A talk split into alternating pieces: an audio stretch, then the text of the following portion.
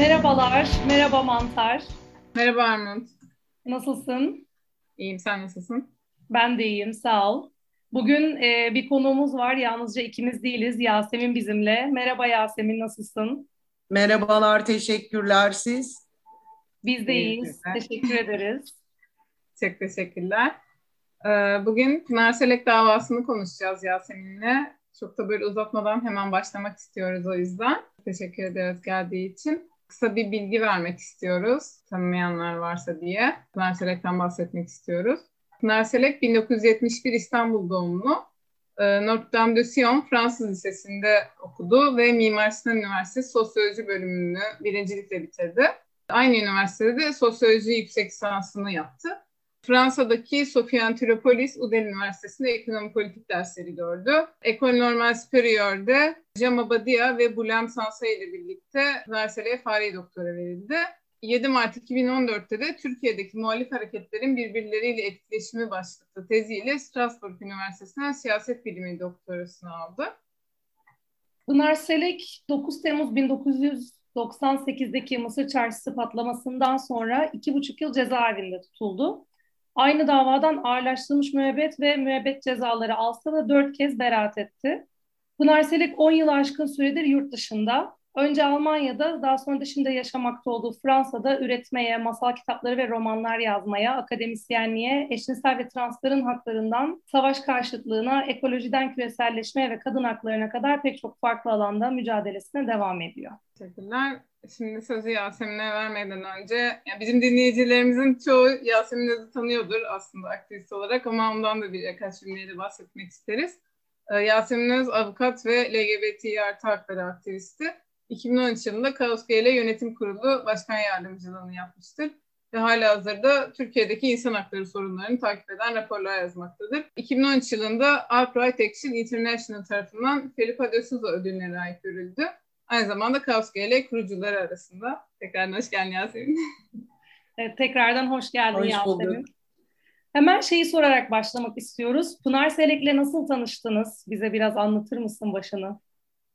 Pınar'la aslında tanışmadan önce Pınar'ın kim olduğunu öğrendim. E, çünkü o sırada translar üzerine araştırmalar yapıyordu.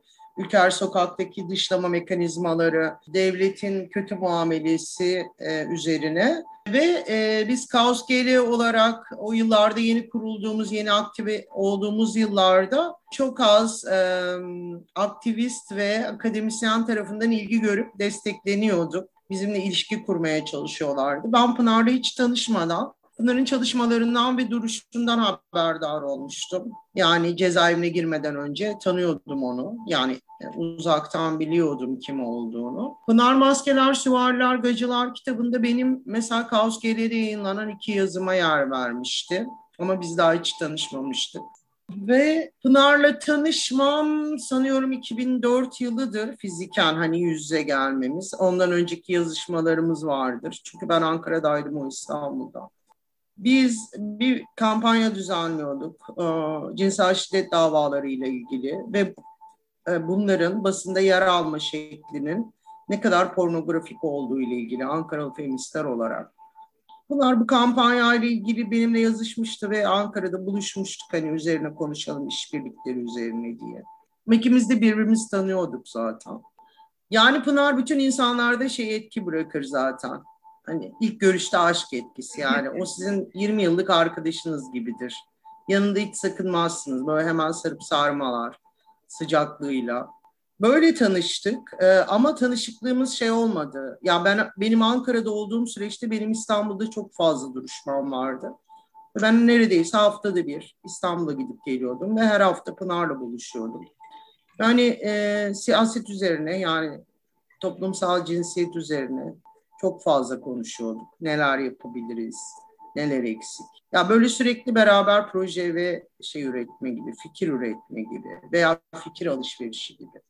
O arada şeyi çok fark ettik. Yani zaten hani belli de ortaklaştığımız alan çok fazla. 2007 yılında İstanbul'a taşınmak zorunda kaldım bu iş nedeniyle. İsteyerek bir taşınma değildi ve taşınma sürecinden çok emin değildim. Derhal Amarge'nin içine girdim. Queer'lar ve feministlerin beraber siyaset yaptığı ve örgütlenme üzerine çalışan, işte fem, feminist teori ve düşünme üzerine çalışan bir örgüt olduğu için ve Pınar'la yol arkadaşlığı yapabileceğime politik olarak emin olduğum için. Böyle başladı sürecimiz. O sırada zaten Pınar beraat etmişti ve dosya Yargıtay'daydı. Dolayısıyla hani dava aktif değildi ben İstanbul'a geldiğimde. Hmm. Aslında tam da şu an şey diye soracaktık. Hani hem sen davaya nasıl dahil oldun hem de hani dava sürecini anlatır mısın diye. Ya tabii uzun bir süreç ama belki en önemli dönüm noktaları üzerinden konuşabiliriz. 2009 ee, yılında aslında o kötü haberi de Yargıtay'dan alıp maalesef Pınar'a iletmek bana kalmıştı. Yargıtay beraatini ilk defa, ikinci defa bozma kararı vermişti. İlk, ilk vermesi mesele değildi. Usulü bir eksiklik vardı gerekçeli kararda. Mahkeme usulü eksikliği tamamlamasını söyleyip bozmuştu. Ama bu sefer Pınar'ın cezalandırılması gerektiği gerekçesiyle bozuldu. Ben de Ankara'dan avukat arkadaşlarla dosyayı takip ettiriyordum ve o gün biz çok büyük bir feminist kampanyanın e, basın toplantısını yapmıştık. Cinsel şiddetle ilgili. Ve tam oradan oraya girerken yani basın toplantısı başlamadan ben haberi aldım ve basın toplantısı kötü geçmesin diye söyleyemedim ve sonra nasıl söyleyeceğimi epey bir düşündüm. Yani hep böyle travmatik olarak hatırladığım bir şey. Çünkü Pınar'la basın toplantısından çıkıp yolda yürürken Amarge'ye gidiyorduk hep beraber. Yolda söylemek zorunda kaldım. Çünkü hani soruyordu sürekli haber gelmedi mi falan diye. Ve beklemiyordu. Beklemediği için şok oldu. Yani bütün vücudunun o şoku yaşadığını gördüm. İnanmadı. 4-5 kere sordu. Ve doğal olarak tepki gösterdi. Hani duygusal olarak. Ve biz hani hepimiz kas katı kesildik. Çünkü hani teselli edilebilecek bir şey değil. Ne söylesem boş. Kalabalıktık Dalmargi'de. Ve babası aradı avukatı olduğu için. Yani dedi böyle bir şey olamaz. Hani emin misin? Yani ben dedim arkadaşım bozma gerekçesini okudu eminim. Ama hani insan o kadar gerçeklikten koparılınca duyduğundan da emin olamıyor. Ben de olamıyorum. Ya yani olmamalı ki bu diyorum. Üstelik hani gerekçe çok absürttü falan. Sonra dava yeniden başladı ve Pınar yurt dışına gitti. O süreçte artık aktif bir şekilde dava sürecinde yer almaya başladım ama biz iş bölümü yapıyorduk aramızda. Çok büyük bir avukat grubu var biliyorsunuz Pınar'ı savunan Türkiye'de. Ve e, ceza davalarında, insan hakları davalarında duayen insanlar var, avukatlar var.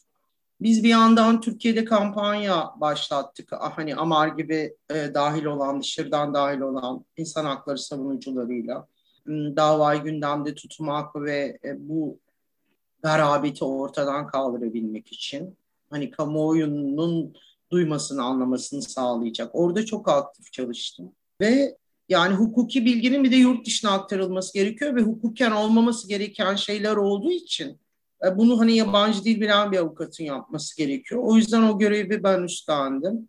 Ama mesela yurt dışındaki avukatları, hukukçuları, insan hakları kurumlarını anlattığımızda şey çeviri hatası yaptığımızı zannediyorlardı. Hani hukuken teknik olarak mümkün olmayacak şeyler olduğu için yani bu mümkün değil falan tekrar bize dönüp soruyorlardı falan. Biz de böyle olduğunu ikna etmeye çalışıyorduk. Yani böyle oldu evet. Ama o, o ilk şeyde e, direnme kararı verdi mahkeme. Yargıtay'ın kararına uymadı. Çok yurt dışından çok büyük bir ekip gelmişti. E, siyasi siyasetçiler, işte insan hakları savunucuları, aktivistler falan. Çok büyük bir basın açıklaması yaptık zaten. E, o zaman DGM vardı. Beşiktaş'taki DGM binasında önünde. Ve şey biz o gün e, bize dediler avukatlara biz çok kalabalık bir grup girmiştik dışarıda bekleyin. Sonra biz duruşma ertelenecek bize gün verilecek zannettik. Hani Dolayısıyla bütün avukatlar salonun dışına çıktı. Ben de biraz meraklı olduğumdan hani bilgi de vermem gerekiyor. Orada yurt dışından bir heyet var. Biraz önce girdim avukatlardan ve direnme kararını duydum. Ve şey hayatımda çocuk gibi kaç kere koşmuşumdur bilmiyorum çocukluğum dahil. Ama çocuk gibi bütün o DGM koridorunu dışarı doğru koştum ve sürekli Berat Berat diye bağırmaya başladım ama tabii gözümden yaş geliyor. Ha yolda yürürken cep telefonundan bir taraftan koşuyorum bir taraftan Pınar'ı arıyorum. E, ikimiz de inanamıyoruz. Ben Berat diye bağırıyorum. Sesim falan kısıldı. O da şey emin misin? Git babama söyle diyor. Basınla konuşuyor diyor. Ondan sonra duruşma ertelendi falan diye beyanat veriyor avukatlar. Hani ertelenecek galiba diye beyanat veriyor. Oysa ki mahkeme hani hemen ilk celse karar çıkardı falan. Çünkü dosyayı bilen, tanıkları, ifadeleri, delilleri inceleyen mahkeme e, direnme kararı verdi. Hatalı olduğunu biliyorlardı kararı. Yani Yargıtay'ın dosya üzerinde yaptığı incelemenin. Sonrasında tekrar savcı temiz etti. Aslında savcılar her kararı temiz etmez. Bu ısrarla temiz ediliyor. Beraat kararları çok temiz edilmez yani. Hmm. Ve sonra biz artık o kadar yıl geçti ki kafam karışıyor olabilir. Yargıtay'da ilk defa duruşmaya girebildik. Ha bunda değildi ya o müebbetten sonraydı galiba. Sonra bir tekrar bozma geldi. Bir bozma geldiğinde yeniden direnme kararı verildi. Direnme kararından sonra heyet değişikliği oldu. Hmm. Bu Başka hakimler ilk girdikleri duruşmada hayatlarında bakmadıkları bir dosyaya çuvallarca evrakı olan bir dosyayı sanki birkaç saatte okuyabilmişlermiş gibi direnme kararını geri aldılar ve e, müebbet hapisle cezalandırılmasını istediler. O zaman biz Yargıtay'a ilk defa duruşmaya gidebildik. Yani Yargıtay bizi ilk defa dinledi. E, ve bize göre dinleyince yani çünkü çok açık savunmamız yani deliller ya fiziken orada bomba patlamadı kriminal raporlarıyla işte hani fizik kurallarına aykırı ispat edilemez bir şey çünkü olmamış bir şey. Hani olan bir şeyi illa fiziki olarak ispat edebilirsiniz bir şekilde ama olmadığı o kadar açık ki ve çok güzel e, böyle sunumlar hazırlanmıştı. Yani bomba patlasaydı eşyalar nereye dağılırdı? İşte bu tüp gaz patlamasından nereye dağıldı? İşte bomba çukuru açılmadı. Böyle bunlar anlatıldı Yargıtay'da ve Barkovizyon nasıl şey dışarıdaki dinleyenlere de koridorda dinleyenlere de gö- gösterildi. Biz bir Yargıtay'a giderken bayağı yolda sloganlar atarak falan gittik yine yurt dışı heyetlerle. Sonra e, yine bozma geldi. Bu sefer müebbeti bozdular. Ama yine usulden bozdular. Tekrar mahkeme beraat kararı verdi. Tekrar savcı temiz etti. Yani bir dosyada teknik olarak hukuk usulü açısından ikiden fazla beraat kararı çıkmaz.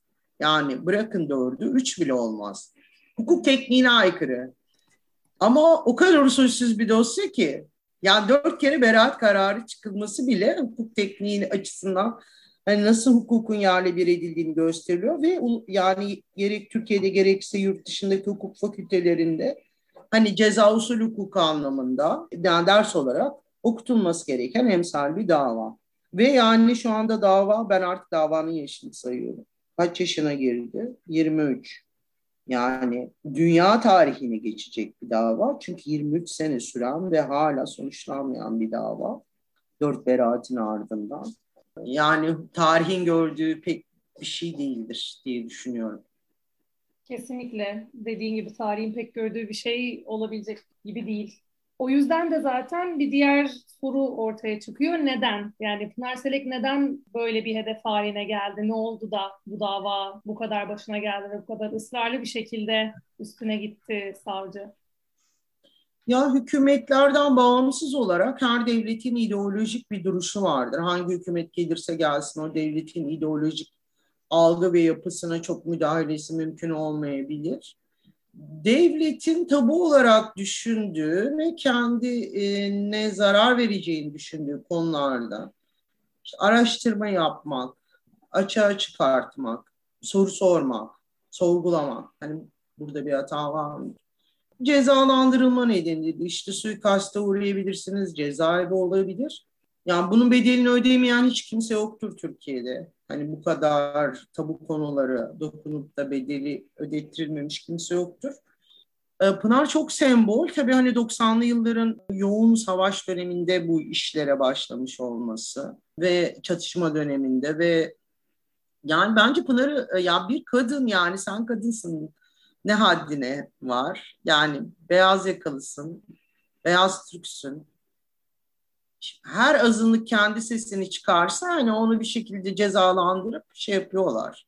eziyorlar ama e, azınlık olmayan bir azınlıklar adına konuşması herhalde Pınar bunların ilklerinden biriydi bu kadar. İlklerinden e, demeyeyim hani devletin tabularına dokunan Uğur Mumcu gibi pek çok insanın hani nelerle karşılaştığını görmüş bir ülkeyiz biz. Hı hı. E, siyasi yargılamalara ve ideolojik olarak hukuken suçlu olmayan insanların ne kadar cezaevleri bedeli ödediğini, işkenceler gördüğünü biliyoruz. Pek çok askeri darbeden de geçtik. Hani sivil dönemlerde de çok farklı değil e, muhaliflere karşı yaklaşım.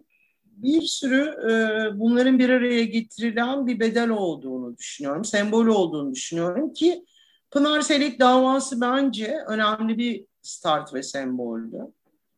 Ve sonrasında şu anda Türkiye'de muhalefet o hale geldi ki Pınar Selek davasını izledikleri için şimdi bütün muhalefet her biri kişisel olarak yarın benim başıma ne, ne gelir sorusuyla karşı karşıya. Oysa ki o zaman kolektif bir şekilde e, bir dayanışma, örgütlülük, karşı çıkış yani hani kazanın geliyorum dediği anlaşılsaydı, yeterince analiz edilebilseydi hani bugünkü ülke atmosferi de belki daha farklı olacaktı. Tabii benimki tahmin. Ha, bilemiyorsun ki yani o kadar sağlıksız siyaset üretiliyor ki hani o zihinlerden ne geçtiğini biz sebepleri anlayabilir miyiz bilmiyorum. Çünkü benim zihnimden asla öyle şeyler geçmez. Ne kadar anlama kabiliyetim var onu da bilmiyorum. Evet zaten hani yani bomba patlamayan doğal gaz kaçağı diye bulundu değil mi? Yani öyle bir şeyden hani şu an yargılanıyor ve nasıl Hani bu bizim mesela dediğiniz gibi çıkamadığımız bir süreç yani. Ya şöyle bir şey aslında polis oraya geliyor tabii patlamadan sonra ve gaz kaçağı olduğunu tespit ediyor kriminal. Adli tıp raporları var ve açıklama yapıyor devletin bakanı. Diyor ki burada gaz kaçağı patlaması oldu. Pınar bu nedenle gözaltına alınmıyor zaten bu patlama nedeniyle. Pınar Kürtlerle ilgili araştırması nedeniyle bu patlamadan birkaç gün sonra gözaltına alınıyor. Gözaltı sırasında Savcılıkta, mahkemede Pınar'a patlamayla ilgili hiçbir soru sorulmuyor. Cezaevine konulma nedeni patlama değil, cezaevine konulma nedeni de bu araştırması. Cezaevindeyken aradan bir, bir buçuk ay geçiyor. Birden haberleri izlerken kendisini Mısır çarşısı katliamcısı olarak izliyor. Ya sonradan akıllarına geliyor. Ya bu patlamayla bu kızı ilişkilendirelim. Belli ki evet. Bir de zaten şey de çok dikkat çekici orada örgüt üyeliğinden suçlanıyor ama başka ortada örgüt yok, başka üye yok. Tek başına bir örgüt üyesi olarak suçlanıyor. Hani tek kişilik örgüt. Öyle. Hayır çok çok absürt bir sürü şey var. Mesela Pınar Mıs- Mısır çarşısında Pınar'ı veya diğer suçladıkları sanıkları. Ya bir kişi görmüş mü? Ya tek bir kanıt var mı?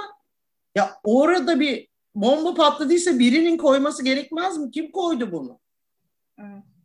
Ee, şey sormak istiyoruz. Yani şu an ne yapıyor Pınarselek? Bir de şu davanın hani en son durumu nedir? Şu anda dosya Yargıtay'da savcı beraati tekrar temiz ettiği için bekliyoruz. Bunun bir süresi yok. Ne zaman incelenirse. Ee, Yargıtay'da nerede inceleneceği belli değil. Hani bugün dire, direnme kararı olarak kabul ederlerse Yargıtay Genel Kurulu. Eğer beraat kararı olarak kabul ederlerse Yargıtay Dairesi, Ceza Dairesi inceleyecek. Pınar şu anda Nice'te, Kortazur Üniversitesi'nde öğretim görevlisi ve bir takım araştırmalar içinde ve her zamanki gibi feminist queer, çevreci, antimilitarist, göçmenlerle dayanışan, sınır karşıtı, anarşist hareketlerle bitmek bilmeyen eylemleri, konferansları, konuşmaları yani Pınar'ı bulmak zor. Yani şu Mesajlarıma an... cevap verdiğinde mutlu oluyorum. Veriyor mutlaka ama diyorum uyumuş ha diyorum vakit bulmuş. Yani şu an Türkiye'ye gelemiyor değil mi? Hani biraz biz onu da gündem. Ben gelebilir ama Türkiye iklimi hangimiz için ne kadar? Gerçekten yapmak istediğimizi yapmaya, üretmeye uygun. Yani mesela üretmek isterseniz de koşullar olmaz. Artı hani dosya yargıtayda yani hani. Tabii yani hala biraz riskli gibi görünüyor durum. E, tabii yani, yani, yani nihai bir karar verilene kadar riskli. riskli. Bu nihai karar e, adaletten yana olsun diye uğraşıyoruz. Ama anlaşılan yani söylediğinden anladığımız kadarıyla bu 2014'teydi en son temiz. O günden beridir yapabilecek bir şey yok beklemek dışında yani. Evet, evet. Evet, teknik olarak öyle. O yüzden hani gündemde tutmaya çalışıyoruz. Hani sizler de işte buna destek oluyorsunuz. Bunu önemsiyorsunuz. Ya bu bu ya ya bir insan hayatının bu kadar çalınması zaten korkunç da yani kızın ömrünün neredeyse yarısının daha davayla geçmiş olması. Ya böyle bir tehditle yaşıyorsun sürekli stres, baskı.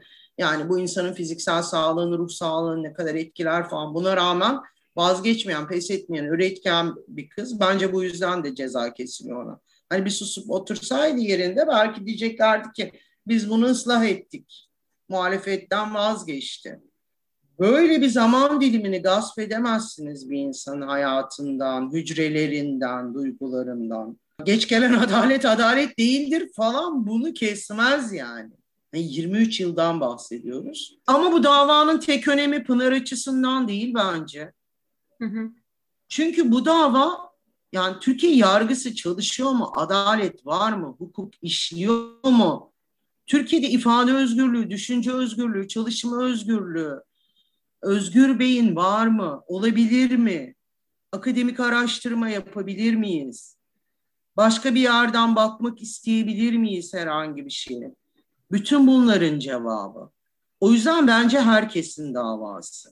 Ve bu davayı görmezden gelerek bu sistemden kurtulabileceğini zanneden varsa işte bugünkü korku iklimine kadar gider. Tweet atamam, dernekte konuşamam, ay WhatsApp yazışmam okunur mu? Ne zannediyordunuz? Yetmez ama evetçiler. Türkiye'ye otoriter dindarlık, demokrasi getirecek mi zannediyordunuz? Buyurun. Yani şey çok doğru. Zaten hani çalıştığı konulara baktığımızda hani işte maskeler, süverler, güzel, travestiler, barışamadık, antimilitarist hareket, savaş karşıtı hareket, e, sürüne sürüne erkek olmak, hani Türkiye'deki askerliği sorgulayan ve erkeklik üzerine bir çalışma. Yani resmen sen bu çalışmaları yaptığında ne olur tehdidi gibi bir sembol haline geliyor. Tabii bir de az önce Yasemin şeyi diyordun ya hakikaten devam da etmiş bunları üretmeye dediğin gibi hani biz bunu artık e, sindirdik dedirtemiyor da sürgüne gittiği yerden bile kitap yazmaya devam ediyor. Yani hani çok aradan biz uzun zaman geçmeden bir kitap yazmış orada mesela. Hatta bir röportajında şey diye anlatıyordu. Kendi ruh sağlığını korumasına yardımcı olmuş. Yani bu kadar ancak üreterek zaten kendini e, ayakta tutabilen bir karakterden de bahsediyoruz. Sindirmesi çok mümkün değil belki. Ya önemli bir rol model olduğunu düşünüyorum ben Pınar'ın. Çünkü mağduriyeti kurban rolünü hiç kabul etmedi ve hep aktif oldu. Biz mesela LGBT ve feminist hareket bu konuda oldukça iyiyizdir. Çünkü sürekli şiddet ve ayrımcılık görüyoruz ama sürekli üretmeye ve isyana devam ediyoruz. Başka türlü dünya değişmemiştir. Yani birileri mutlaka faturasını ödemiştir. Yani siz kötülüğün işbirlikçisi mi olacaksınız? Yoksa ahlaklı mı olacaksınız? Ona karar verebilirsiniz. O kadar. Çok güzel söyledin. Sonunu da güzel bağladın gibi oldu aslında. Çok teşekkür ederiz Yasemin bize katıldığın için, e, deneyimlerini ve geçmişi de bize hatırlattığın için, deneyimlerini paylaştığın için. Eklemek istediğin başka bir şeyler var mı? Ee, yasak ne ayol diyeyim.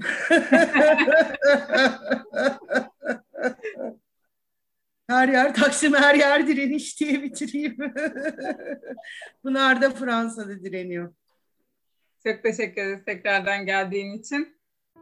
Hızlıca sosyal medya hesaplarımızı ve web sitemizi hatırlatmak istiyoruz.